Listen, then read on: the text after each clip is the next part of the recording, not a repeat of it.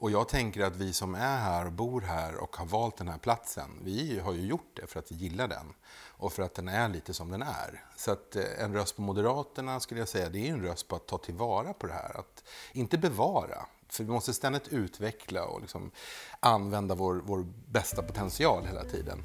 Men det är ändå så att vi ska vara rädda om våra kärnvärden.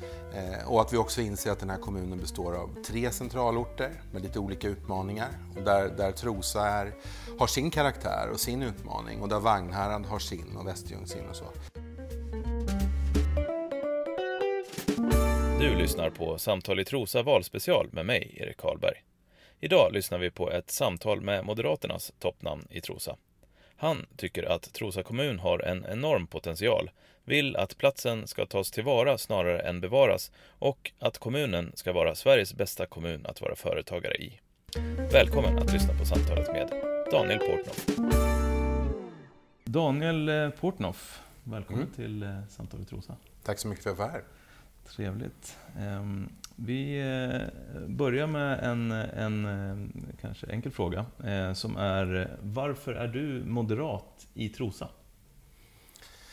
I Trosa är jag, moderat är jag därför att jag tror på människors egna inneboende kraft. Frihetspartiet är Moderaterna för mig och ett parti som låter människor få möjlighet att utvecklas i sitt bästa jag. Det är liksom min drivkraft i politiken.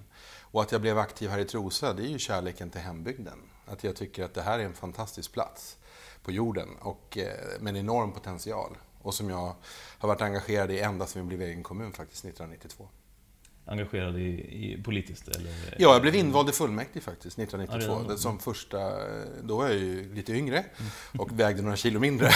Men eh, då var jag med i Moderata ungdomsförbundet och liksom drev frågor på det perspektivet kanske. Men engagemanget i Trosa kommun och insikten om den fantastiska potential som finns här och en liten frustration då över att den inte togs tillvara. Det var liksom drivkraften i lokalpolitiken. Känner du att det, det har tagits tillvara under den här tiden? Ja, det tycker jag. Jag tänker att i början var det väl en så här nybyggaranda där, där väldigt mycket handlade om att kanske försöka göra saker på ett annat sätt. Eh, och det var bra. Eh, och det har vi nog fortsatt med ganska mycket. Vi kan själv och sådär. Mm. Eh, men jag skulle säga att nu är vi ett, en av Sveriges kommuner där det verkligen finns ordning och reda och rutiner och vi vet vad som funkar och inte funkar och vi är rädda om skattebetalarnas pengar och vi fortsätter utveckla kommunen varsamt. Det är liksom grunden i det. Mm, just det. Ja, det är en intressant resa. Ehm, en annan fråga som jag brukar ställa i de här avsnitten är Vem är du i Trosa? Ehm, om du skulle försöka se utifrån så att säga, vem, vem du är i, i det här. Det var ju en bra fråga, men jag är nog... Jag är den här oerhört engagerade samhällsintresserade medborgaren som gillar människor, samtalet med människor, som är nyfiken på liksom människor och vad de vill, tycker och tänker. Eh, och, och den, liksom det, att kanalisera om det till drivkraften i lokalpolitiken, att ha örat nära marken och vara medborgarnas företrädare i när vi utvecklar vår kommun tillsammans. Där någonstans skulle jag vilja vara i alla fall och hoppas att folk också ser att jag har ambitionen att vara där. Känner du att du eh, får tillgång till att ha örat eh, mot marken? Så att säga? Jo, jag brukar säga att det, det, är inte svårt för mig att bedriva två timmar när jag ska gå och handla en liter mjölk. Ah, okay. det, det, det, är ju en fördel med den här lilla kommunen, tänker jag, att, att eh, dels har jag hållit på länge så väldigt många vet vem man är. Eh, men det finns också ett enormt engagemang från folk i sin bygd. Eh, och det här att ha närheten till sina lokalpolitiker och faktiskt kunna prata direkt med oss om olika saker. Och, eh, oftast är det ju, nästan alltid är det ju konstruktiva synpunkter på vad man skulle kunna göra bättre. Så att det, jag, jag, tycker, jag gillar det och mm. tycker att det är en viktig del av lokalpolitiken. Just det.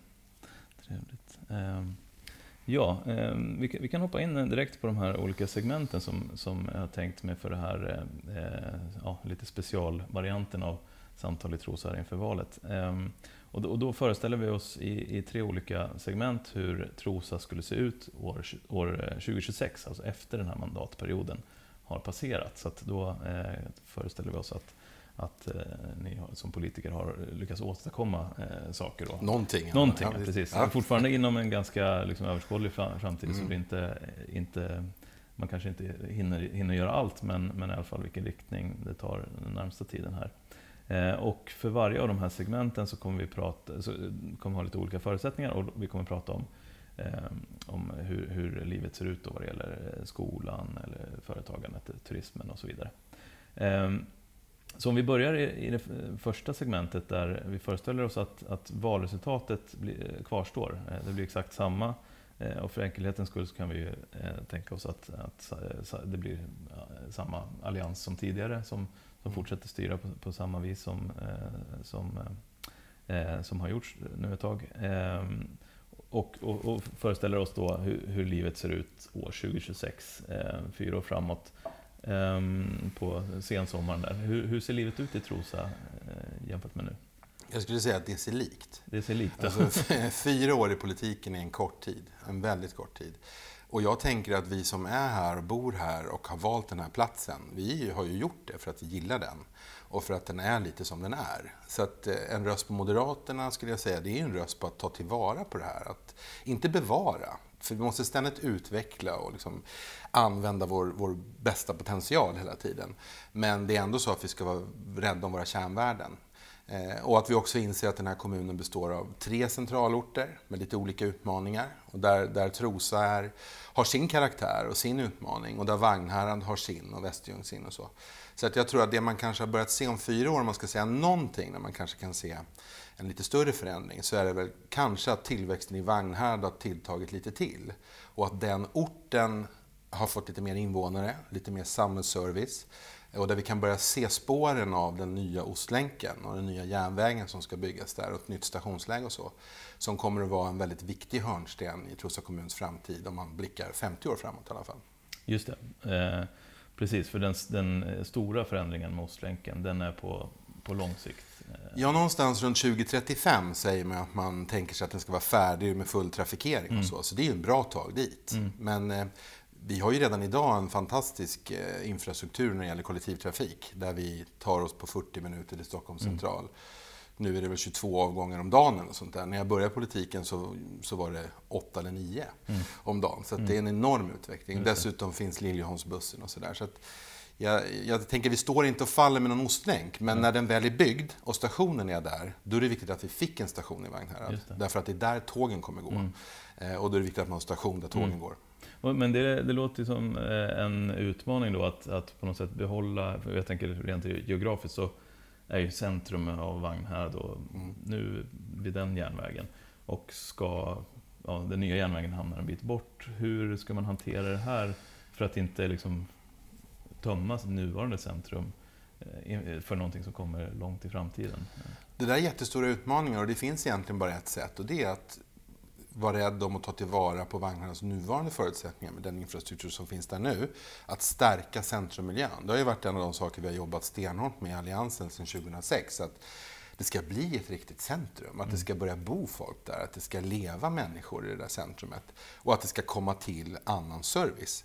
Eh, om det nu är så att vi får en station i ett ganska perfekt läge 2035 så kommer det ta väldigt många år innan det blir andra etableringar där som på något sätt kanske blir ett alternativt centrum också till nuvarande. Så att de kommande 30 åren kommer Vagnhärads centrum att ligga där det ligger tror jag. Mm. Men längre bort än så vågar inte jag blicka, okay. det får man väl se. Men... Men då finns det någonting annat som skulle kunna då har vagnarna växt åt ett annat håll. Ja. Vi har kommit närmare det nuvarande stationsläget. Vi har växt ut till Solberga. Eh, så det finns ju stor potential i Vagnhärad att växa.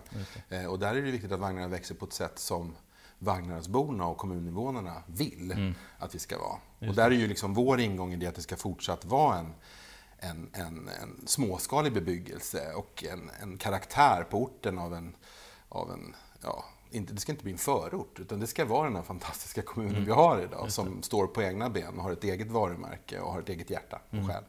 Hur, eh, det är ju också intressant med de här, de här tre orterna har ju olika profiler på något sätt, eh, ja. man säger, eller karaktärer i folks ögon och så. Hur, hur, eh, hur, hur kommer Vagnhärad utvecklas så i den, liksom, vad, vad, är det för slags vad, vad, kommer locka folk? För det blir nya, både befintliga och nya Vagnhäradsbor, eh, mm. som, som, om det ska växa åt det där hållet. Vad, vad kommer, vad, är, vad, är, vad är Vagnhärad i, i det som lockar folk dit? Nej, men jag tror Vagnhärad kommer vara en, en, en, en, väldigt vacker och fin plats. Eh, och det är ju många platser i Sverige som är det. Det som Vagnhärad kommer att ha som fördel gentemot många andra vackra platser, det är ju att man kommer att ha en fantastisk tillgång till infrastruktur. Det är inte många stationer på den här nya fantastiska järnvägen som kommer vara där och Vagnhärad är en av de platserna. Mm. Så att jag skulle säga infrastruktur, närheten till en fantastisk arbetsmarknad och att vi ser till att Vagnhärad fortsatt, precis som Trosa är, hela Trosa kommun är, en plats där det fungerar. Där skolorna är bra, där äldreomsorgen fungerar och där förskolorna funkar. Och det är ändå en småskalig miljö. Mm. Så det, det, jag tror att Vagnhärad kommer vara en större ort, men har väldigt mycket av sin karaktär kvar. Men kanske mer av samhällsservice. Eh, och naturligtvis mer bebyggelse än vad det är idag. Just det, bebyggelse i form av fler villområden? Eller, eller, eh, liksom, ja, fast jag tror man kommer se både och. Kanske närmare stationslägen och sådär, att man kommer att se både bostadsrätter och hyresrätter och så, i lite annan typ av bebyggelse. Men också kontor och annan typ av verksamhetsetablering. Mm. Vagnar kommer ju bli en fantastisk knutpunkt för många som vill etablera ett kontor eller en verksamhet där. Vi har väldigt många förfrågningar redan nu. Mm. Så att, eh, Vagnar kommer växa på alla, i alla kategorier. Mm. Men det är klart att just det här drömmen många människor har av att kunna bo någonstans i en kommun där det fungerar väl, där man har sitt eget lilla hus och sin egen lilla täppa. Mm. Det kommer vi fortsätta vara. Mm, just det. Precis. Och, och om man då tänker i, i närtid här. Eh, det här är ju riktningen om man säger, mm. både ja, geografiskt också då, utsträckningen bort mot, mot den här stationen längre ut mot, mot motorvägen. Vad, eh, kommer vi se någonting av det inom de närmsta fyra åren? Ja, på slutet kommer man nog börja se att man är igång med byggnationerna. Eh, och det kommer vara en stor påverkan. På, men det, som tur är ligger det utanför samhället mm. och längs med en motorväg och så mm. vidare. Mm. Men jag tror att man kommer märka och se att det händer saker då. Och jag tror att väldigt många kommer att veta mycket mer om byggtider och när saker och ting händer och sådär. Men det är inte färdigt på långa vägar. Hur, hur, hur, eh, hur, långt har det kommit med liksom, Hur ska det knytas ihop? Kommer det vara Kommer man kunna promenera bort till, eh, inifrån centrum på något, på något sätt? Det kommer ju finnas gång och cykelvägar, så ja. att man ska vara mån om det. Det är fortfarande ganska små avstånd, ska man ju veta. Ja. Det är inte, det är, ja, det är jättelångt ut.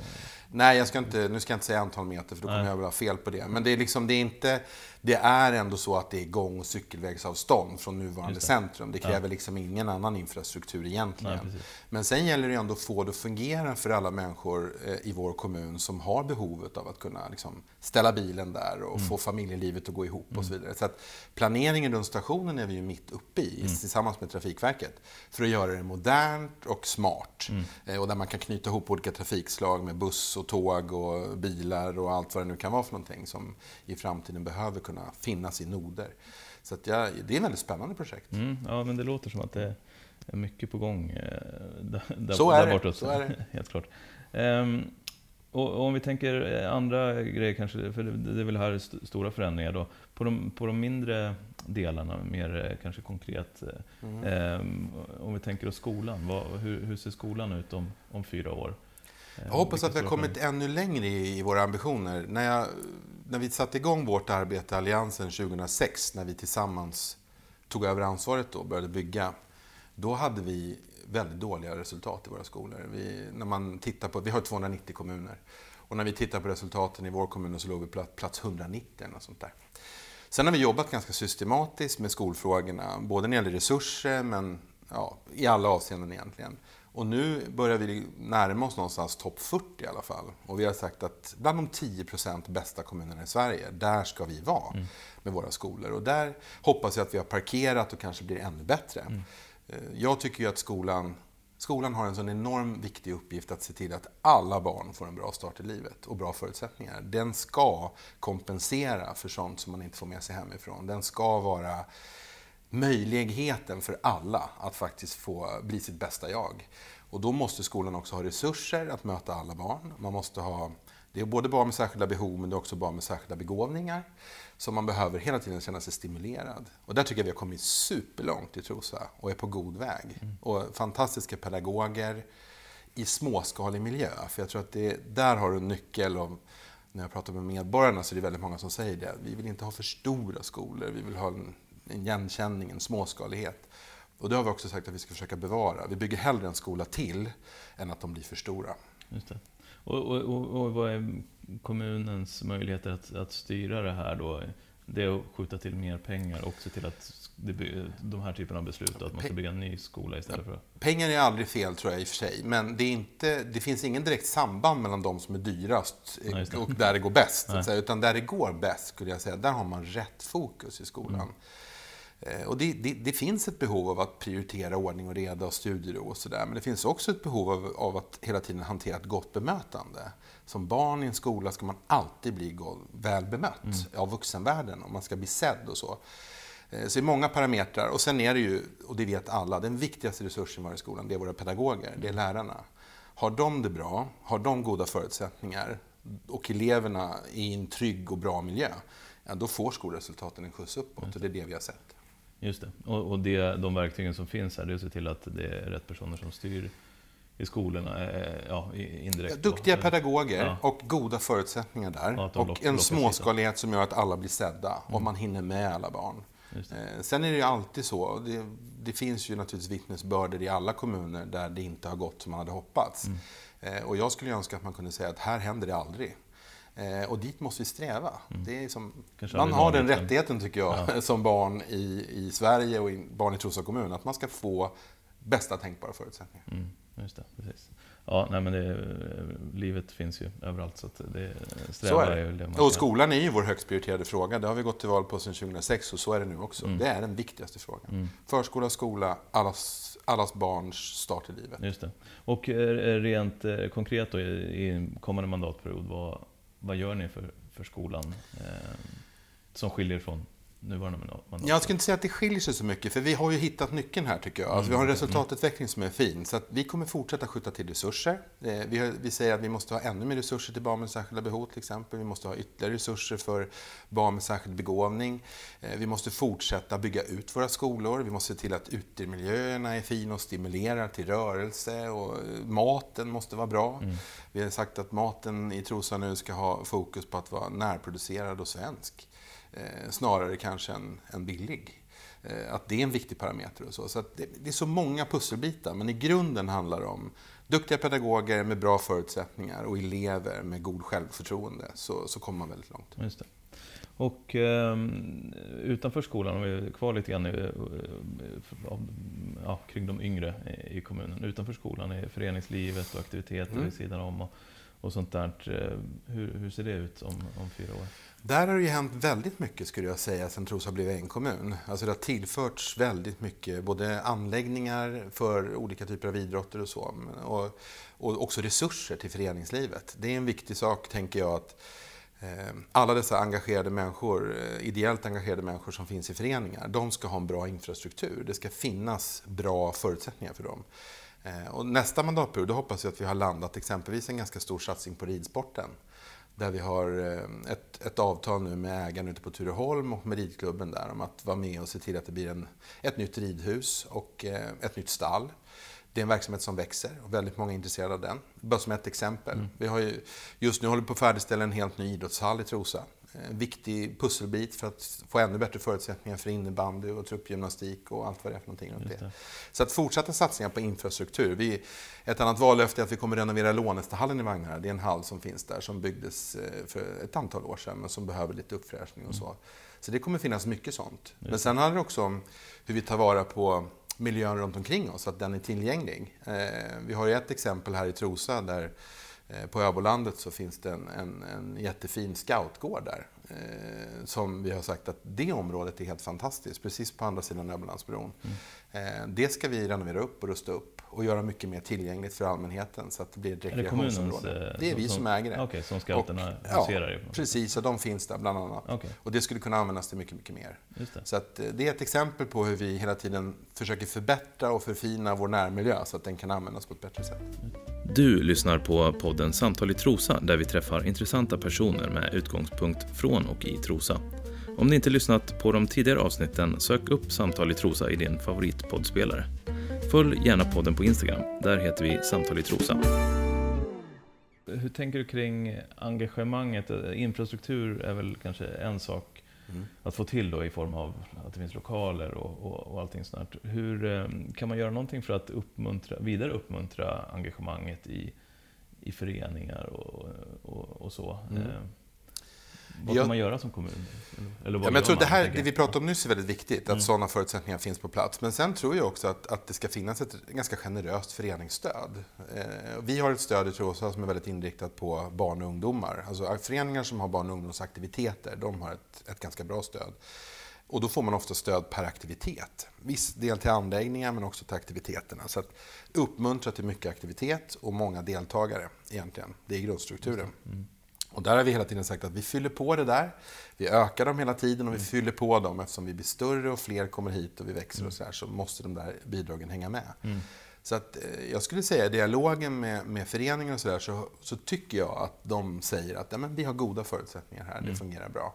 Märker så man att ska det, det vara. funkar, eh, att det funkar? eller? Ja, jag tycker det. Sen Mm. har det ju varit en oerhörd utmaning för dem under corona och covid. Ja. Eh, enorma svårigheter Mm. för många. Och då tänker jag att det kanske är ännu viktigare att vi nu, när man startar upp allting igen, är med som kommun och är flexibel, stöttande och eh, enkel att ha att göra med i de här frågorna. Så att man kan fokusera på sin verksamhet och få tillbaka ungdomar in Mm. i den igen. Ett exempel var ju att vi, vi tog ganska snabbt beslut här om att vi sa att ja, men det spelar ingen roll nu att, att ni i föreningarna inte har massa aktiviteter. Ni får samma bidrag som förra året. Aha, okej. Så att ni slipper det här liksom att nu försvann alla intäkterna också, hur ska vi hantera det här? Så att vi har varit väldigt generösa under den här perioden och det tror jag vi har igen nu. Men det är fokus fortfarande på det är barn och ungdomar, an, annan typ av föreningsliv. Där ligger fokus. Sen är ju anläggningarna fullt tillgängliga för alla. Mm. Men vår, vår grundidé är ju att vuxna människor får betala för sin egen fritid.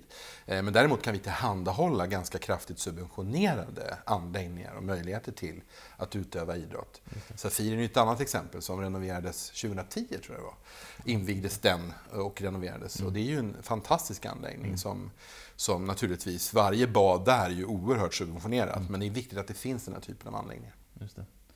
Ehm, finns det fler sådana anläggningar som man ser framöver?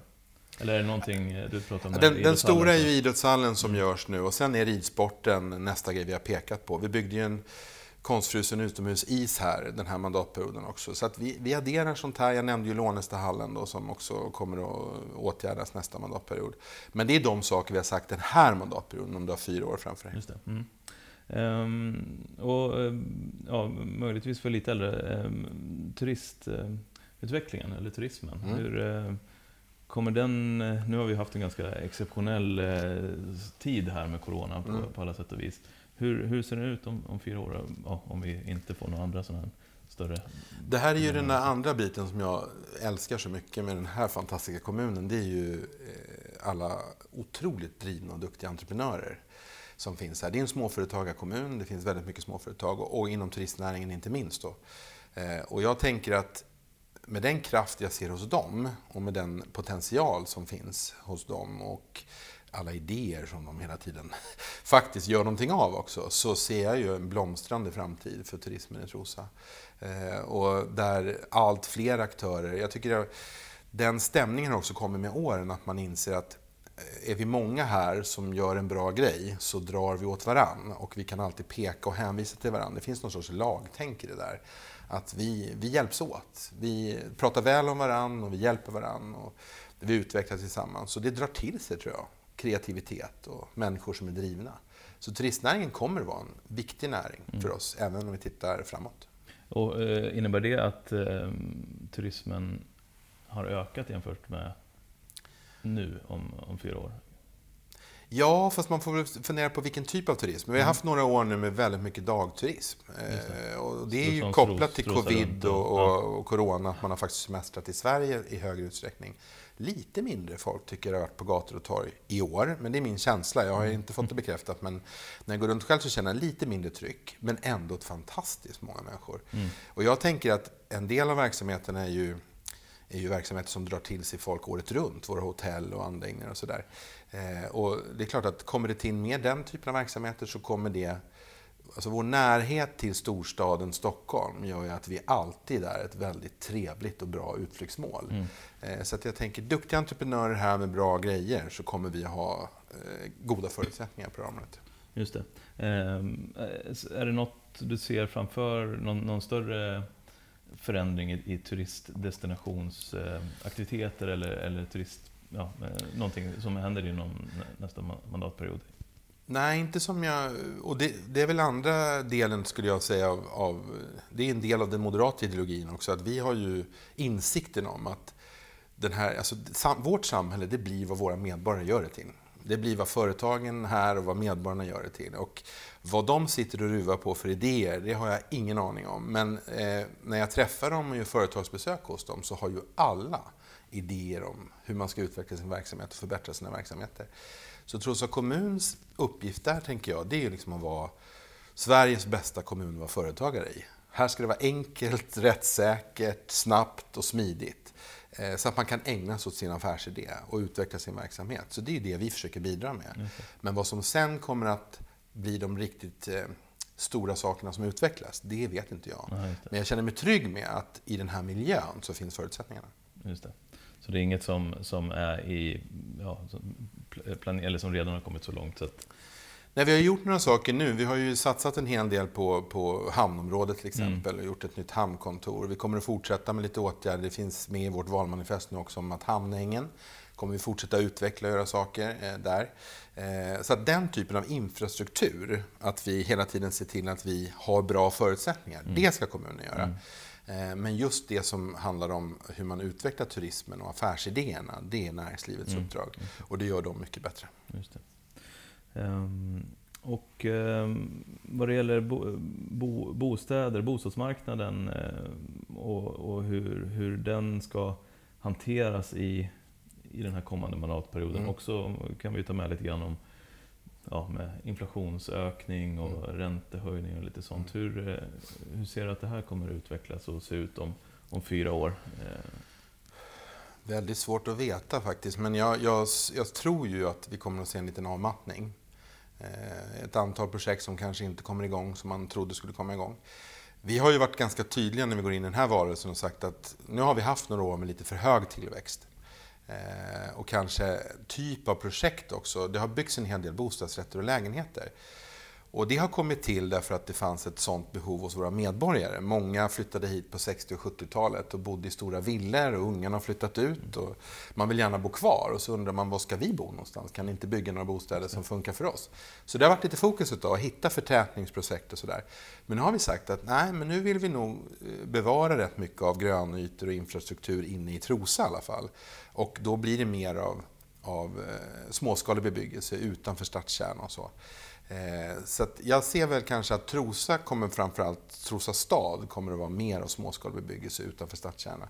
Men när det gäller Vagnhärad så skulle jag säga att nej, där har vi ett antal projekt som behövs mitt i byn för att förstärka infrastruktur mm. och täthet och så. Eh, så det är lite olika beroende på vilken kommundel man tittar på. Det. Men det är viktigt tycker jag att säga att en kommun fungerar inte utan en allsidig bostadsproduktion. Man behöver alla typer av boenden för att en kommun ska fungera väl.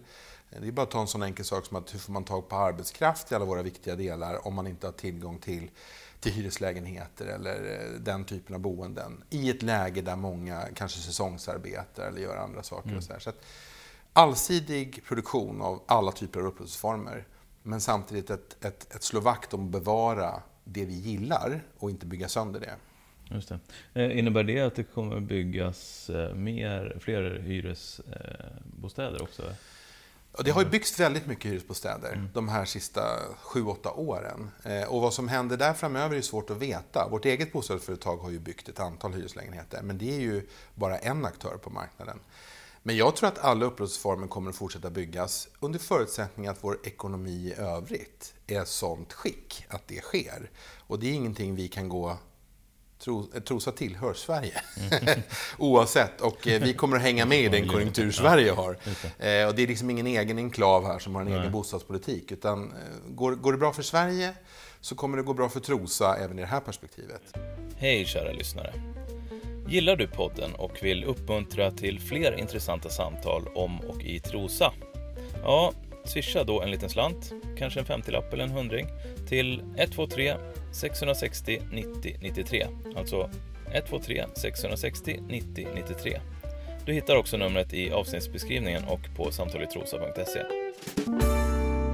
Just det, men det finns inga sådana omedelbara liksom, planer på att okej, okay, om, om två år så ska, ska vi sätta spaden i backen för att bygga 150 nya hyresrätter eller? Nej, inte i vår regi i alla fall. Ja. Men sen är det ju andra som bygger hyresrätter. Mm. Men tittar man på bostadsrätter och hyresrätter så är det i princip lika mycket om du tittar över en tioårsperiod. Och i alla kommundelar. Men det vi ser nu, det är ju en större efterfrågan av småskalig bebyggelse, egna hem och sådär. Så att det kommer nog vara vår prioritering nu ett tag. Och, och sen får man se vart, eh, hur, hur det kommer drivas på i en förändrad eh, Precis, och frågar du mig så behöver vi byta regering om vi ska se till att vi har goda förutsättningar framöver också. Men det är en annan sak. Ja, det är man inte så förvånad över Nej. att höra heller. Ehm, ja, men det där är ju också intressant. Ehm, ehm, en annan fråga är ju, är ju då vilka som, som flyttar in här. Kommer det liksom förändras i, i takt med det här, eller är vi, är vi på en inslagen linje? Eh, att, det, att det är småbarnsfamiljer och så som mm. flyttar in till stor del. Jag tror ju det. Eh, det har alltid sett ut så. Det skulle förvåna mig väldigt mycket mm. om det skulle förändras. Det här är en otroligt attraktiv kommun för barnfamiljen. Eh, och det kommer nog fortsätta vara så, att det är vår största inflyttargrupp. Och nummer två är ju när man har kommit upp lite mer i åren, 55 plus 60 kanske, där också vi har en, en tydlig inflyttargrupp. Så att så har det alltid sett ut och jag tror det kommer se ut så framöver mm. också. Och det är också ambitionen, man vill inte förändra det på något sätt? Nej, jag, jag, tänker att det kanske ändå inte är politikens uppgift att välja folk på det viset och fundera över det. Utan, utan det blir liksom, vad, vad, är det, vad är det för, vad kan vi attrahera? Och då tror jag den här typen av kommun passar barnfamiljen väldigt bra. Mm. Eh, det, vi har inte den stora inflyttarvågen av 23-åringar och jag förstår det. Mm. Då är man liksom på väg till något universitet eller någon annanstans i världen eller gör någonting annat. Men sen är det ganska många av dem som har bott här, uppväxt här, som kommer tillbaks mm. när man väl bildar familj och så. Så vi har ju en, just där i befolkningskurvan så är vi ju lite färre när det mm. handlar om de här åren där man faktiskt gör andra saker mm. och så. Som ett exempel. Mm. Och det är, det är inget liksom, problem att det är så? Utan Nej, jag skulle säga att det är en tack och lov. Mm. Att vi har ungdomar som inser att världen finns för deras möjligheter, ligger runt hörnet. Och, och det skulle vara bedrövligt om vi hade en inställning att här är vi jämt och vi tar oss ingenstans och så vidare. Så jag, är, jag brukar få den frågan ibland, det blir ingen journalist då och då och säger är du inte orolig när alla flyttar ifrån? Jag säger nej, det är jag inte. Jag tycker de gör helt rätt. Ja. Många kommer tillbaks och andra flyttar hit. Ja, Ingen konstigheter. Den, den, den fortgår, det där Exakt. ekosystemet. Mm. Um, och eh, en, en, annan fråga i den här kommande mandatperioden. Eh, trygghetsfrågan eh, och mm. brottslighet och sånt. Mm. Vad, vad, vad kommer, hur kommer tillvaron se ut 2026? Det här är en av Sveriges tryggaste kommuner att leva och bo i. Och så kommer det vara 2026 också. Men jag, jag är ju in, jag är ganska ska säga, pessimistisk när det gäller de kommande fyra årens utveckling på det här området. Därför att det har Även gått... I... Ja, jag skulle inte säga att vi kommer att ha gängkriminalitet i fokus här, men jag tror att det förebyggande arbetet måste vi vara ganska noga med. Att det finns... Eh, den lilla kommunens fördelar är ju närheten mellan olika verksamheter och kalla det för social kontroll om du vill, men ändå liksom möjligheten att hjälpa och stötta varandra och hela tiden ha ögonen på vad som händer. Det tror jag att vi måste vara ännu noggrannare med framöver. Samverkan mellan skola, fritidsgårdar, polis, eh, socialtjänst, allt sånt där som vi är bra på ska vi fortsätta vara riktigt vassa på även framöver. Och sen är det ingen hemlighet att jag är ganska kritisk till att vi har så låg polisnärvaro. Jag tycker det är jobbigt när vi hela tiden får höra att jo, men ni har så låg brottslighet så att vi behöver inte vara hos er. Men det förebyggande arbetet som polisen också måste vara engagerad i, mm. det kräver närvaron. Jag säger inte att de inte gör det idag, men jag tror det behövs mer av det. Och jag skulle vilja ha tillbaka polisstationen mitt i byn. Jag tycker inte det är okej att man, polisen har lämnat så mycket av de mindre orterna. Utan här borde vi ha en polisstation tillbaks. Vi har den i Vagnhärad men den är knappt bemannad. Mm. Jag tycker det borde finnas en i Trosa också. Och man borde ha mer bemanning och fler poliser som finns här på gator och torg och lär sig vår kommun och kan strukturerna. Just det. Blev det någon skillnad när man plockade bort de här regionerna? Eh, eller polis... Eh, jag kan, jag, kan inte, jag kan, inte, bedöma vad som är hönan och ägget, men jag ser ju hela tiden eh, hur, hur man centraliserar mer till lite större orter med argumentet att det skulle liksom öka brottsuppklaring och förbättra och så vidare. Jag ser ju inte riktigt det, utan jag tycker ju att det finns stora problem i polisen. Och, eh, vad, vad orsak och verkan är där, det vet jag inte, men jag kan konstatera att medborgarna medborgarna har rätt till att det ska fungera med rättsväsendet. Och där finns en del går att skylla regeringen för, men långt ifrån allt. Eh, utan det handlar nog också om hur man jobbar och hur man bygger upp sin struktur och sin verksamhet. Just det.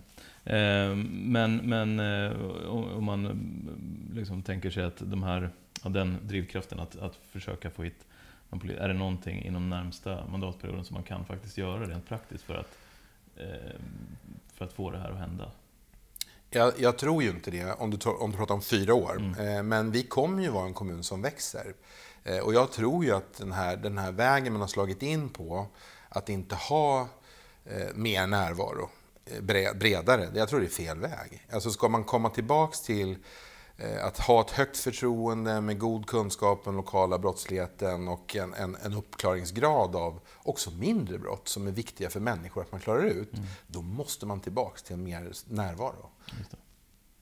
Ehm, och, och, det hänger ihop kanske med trygghet. Det finns väl kanske andra saker som kommunen kan jobba med kring trygghet, ja, trygghetsfrågan. Ehm, jag tänker på Ehm, ja, platser för ungdomar att, att mötas på. Eh, nu är det väl inte jättemycket problem med, med klotter och sånt, men eh, jag tänker skadegörelse och sådana här saker. Vad... jag tänker att det beror också på att vi är ganska duktiga på det där. Alltså vi, har, eh, vi har en väldigt väl fungerande fritidsgårdsverksamhet till exempel. Vi har väldigt bra infrastruktur för, för idrott och för idrottsutövande. Eh, och det finns Eh, Eh, vi jobbar väldigt bra mellan skola, polis, socialtjänst och sådär och kan ganska tidigt agera och parera. Eh, och det finns en, en, en, litenhet som gör att den sociala kontrollen finns där. Det där nämnde jag ju förut, jag tror att vi måste fortsätta vara riktigt duktiga på det där för att det ska funka. Och där har kommunen ett ansvar. Men i grund och botten är ju, är, handlar alltid det här om att man också som förälder och vi i samhället i stort behöver liksom ha ordning och reda på vad som är rätt och fel och vad man gör och inte och sätta gränser tydligt och sådär. Eh, när det gäller klotter, du nämnde ju det, så är ju liksom vår ambition här att här ska det ju bort inom 48 timmar. Ser man klotter någonstans så ska det bort. Så att man inte får miljöer där det känns som att här verkar det vara okej. Och så. Det, det var ett exempel, men det, mm. det, finns saker vi kan göra och ska göra. Men det har ju ingenting att göra med grov brottslighet och det som verkligen nej, sticker nej. ut i Sverige. Mm. Nej, det är klart. Eh, det är andra, andra problem att ta, ta hand om. Eh, men eh, ehm, trygghetsfrågan är ju viktig att ha koll på. Högt upp på mångas agenda och med rätta högt upp. Mm. Just det, precis.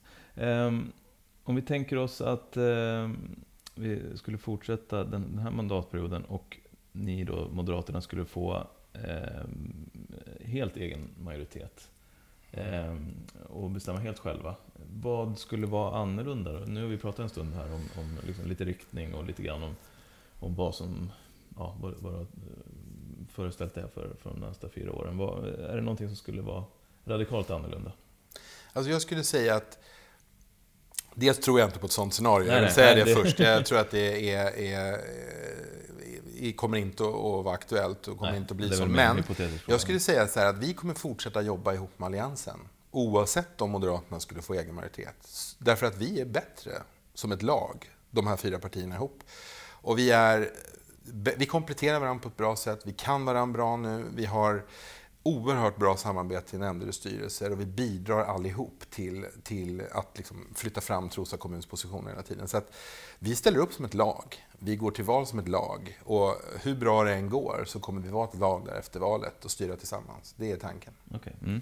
Ja, men då, då är egentligen svaret på frågan är ju egentligen allt tidigare Exakt. eh, nämnt, helt enkelt. Exakt. Eh, ja, det är intressant. Och då kan vi hoppa in på, på det tredje segmentet som, eh, där eh, vi tillåts sväva iväg lite mer kanske. Mm.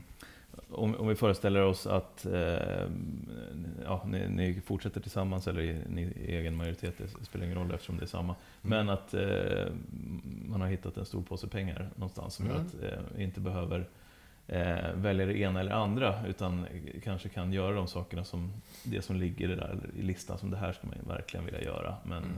eh, inte kommer till på grund av ekonomin. Eh, vad, hur, hur, eh, vad, vad, skulle man ha åstadkommit då 2026? Eh, Om vi börjar lite, lite fritt, är det någonting du, du tänker på? Nej, men alltså det, det, är ju ing, det är ju så, det, det, är klart att det finns möjligheter att skjuta till resurser till det mesta. Eh, på kort sikt skulle det säkert få effekt också, att man tycker att ja, men nu har vi resurser till det mesta och det är alla kärnverksamheter men även kringverksamheter då, att man skulle kunna göra mer. Eh, samtidigt så tänker jag att eh, det är inget scenario jag som politiker någonsin har funderat över. Mm. Därför att det är så osannolikt ja, att jag skulle ha obegränsat ja. med resurser. Så att Moderaterna är ju ett parti för dig som inser att det inte finns obegränsat med resurser. Ett parti som vänder på skattekronorna, ser till att använda dem och förvalta dem väl. Och att hela tiden fundera på, kan vi göra det här smartare och bättre? För varje krona vi får över om vi gör saker smartare och bättre kan vi återinvestera i att liksom lyfta kvalitet och utveckla verksamhet. Så det är ett jättefrämmande scenario för mig. Mm. Men finns det någonting, det finns ju några saker som jag liksom retar mig på, som jag tycker att staten borde ägna sig åt som de inte gör. Ta en sån sak som vägar till exempel. Det är ju en del Trosabor som är irriterade över potthål i vägar och man tycker inte saker och ting är okej. Eh, jag tycker att det är alldeles för många gånger i statens vägar. Alltså ta infarten till Trosa, 218 till exempel. När man åker in i Trosa och det är tredje året nu tror jag, så man får kryssa mellan liksom lagningar och potthål och sådär. Jättemånga medborgare kommer fram till mig och säger, varför gör ni inget? Och så tvingas jag konstatera, men det är statens väg. men jag tycker de borde göra något mm. och det är inte okej att det ser ut sådär. Det är ett exempel, men jag tänker att lite av sådana här puts och studsfrågor, att ha lite mer resurser till att, att liksom ta hand om det vi äger tillsammans. Det skulle jag lägga pengar på om det mm. fanns mer utrymme. Mm. Och kanske räcka upp handen och ta över det. Jag skulle gärna driva ett lokalt poliskontor också. Mm. Jag tror att det skulle funka alldeles ja. utmärkt. just det, precis. Men apropå vägar då, vilka, om man, bortser från just ägandet av vägar då, mm. vilka vilka, vilka väg, vägar är det som ni skulle liksom ge er på att fixa och på vilket sätt? Skulle Nej, men ja, det handlar väldigt mycket om det statliga nätverket, ja. alltså vägnätet. Och det är ju ingen hemlighet att det har varit eftersatt i hela Sverige under väldigt många år och det ser vi också här. Men eh, det finns en jättebra karta på Trafikverket om man har den läggningen och vill gå in och titta vad är kommunens vägar och vad är statens vägar och så. Så där kan man gå in och titta. Jag kan inte sitta och rabbla upp alla dem nu, nej, men det finns ganska många stråk där jag tycker att man skulle kunna få upp kvaliteten på att göra det bättre. Eh, och det gäller ju även en del av vårt kommunala vägnät, absolut. Så att, men eh, där, där, finns det mer pengar man skulle behöva lägga på sånt som kanske inte folk tycker är så himla kul, men som skulle behöva göras. Mm. Eh, ta vatten och avloppsfrågan. Nu har vi en lösning vi är överens om politiskt. Vi kommer att ansluta till Himmelfjärdsverken och det kommer att bli jättebra, men det är väldigt dyrt. Och det är klart att hittar man en påse pengar så skulle det innebära att taxorna för folk inte behövde gå upp lika mycket och sådär. Så att, ja. Jo, och jag tänker lite den typen av, av nu har ni beslutat det då och mm. det kostar mycket pengar.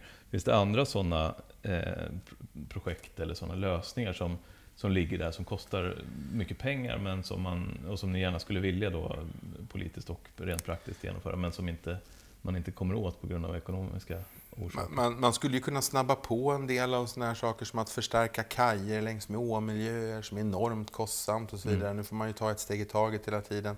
Eh, så det finns ju mycket och fastigheter kan man ha ytterligare. Men jag tycker vi har gjort ett jättehäv de sista tio åren på att vi faktiskt har väldigt mycket högre standard på saker och ting och det är väldigt mycket mer puts och studs än vad det har varit förut. Och det beror ju på att vi har haft ordning på ekonomin och har råd att ha det. Eh, det är inte alla kommuner som har det, men det har vi. Och det beror ju på att vi har ordning på pengarna. Mm. Och, och de här såna andra projekt som eh, Förbifarten och, och sådana här saker, är det något som man skulle... Ja, Förbifarten hade man ju möjligen haft råd med om man hittade den här ja. påsen pengar. För det är ju fortfarande eh, den bästa lösningen långsiktigt för att få avlasta Trosas centrum och stad på trafik som inte ska behöva gå därigenom. Så att, frågar du mig så skulle jag säga att förr eller senare så kommer det byggas en förbifart. Det blir inte den där lösningen och det blev inte nu, men förr eller senare kommer den frågan komma tillbaks. Och då finns ju i alla fall rätt mycket utredningar på området som man kan ta tillvara på. Men hade jag haft påsen pengar så hade vi fullföljt det projektet, för det, det hade varit väldigt bra för Trosa långsiktigt. Just det.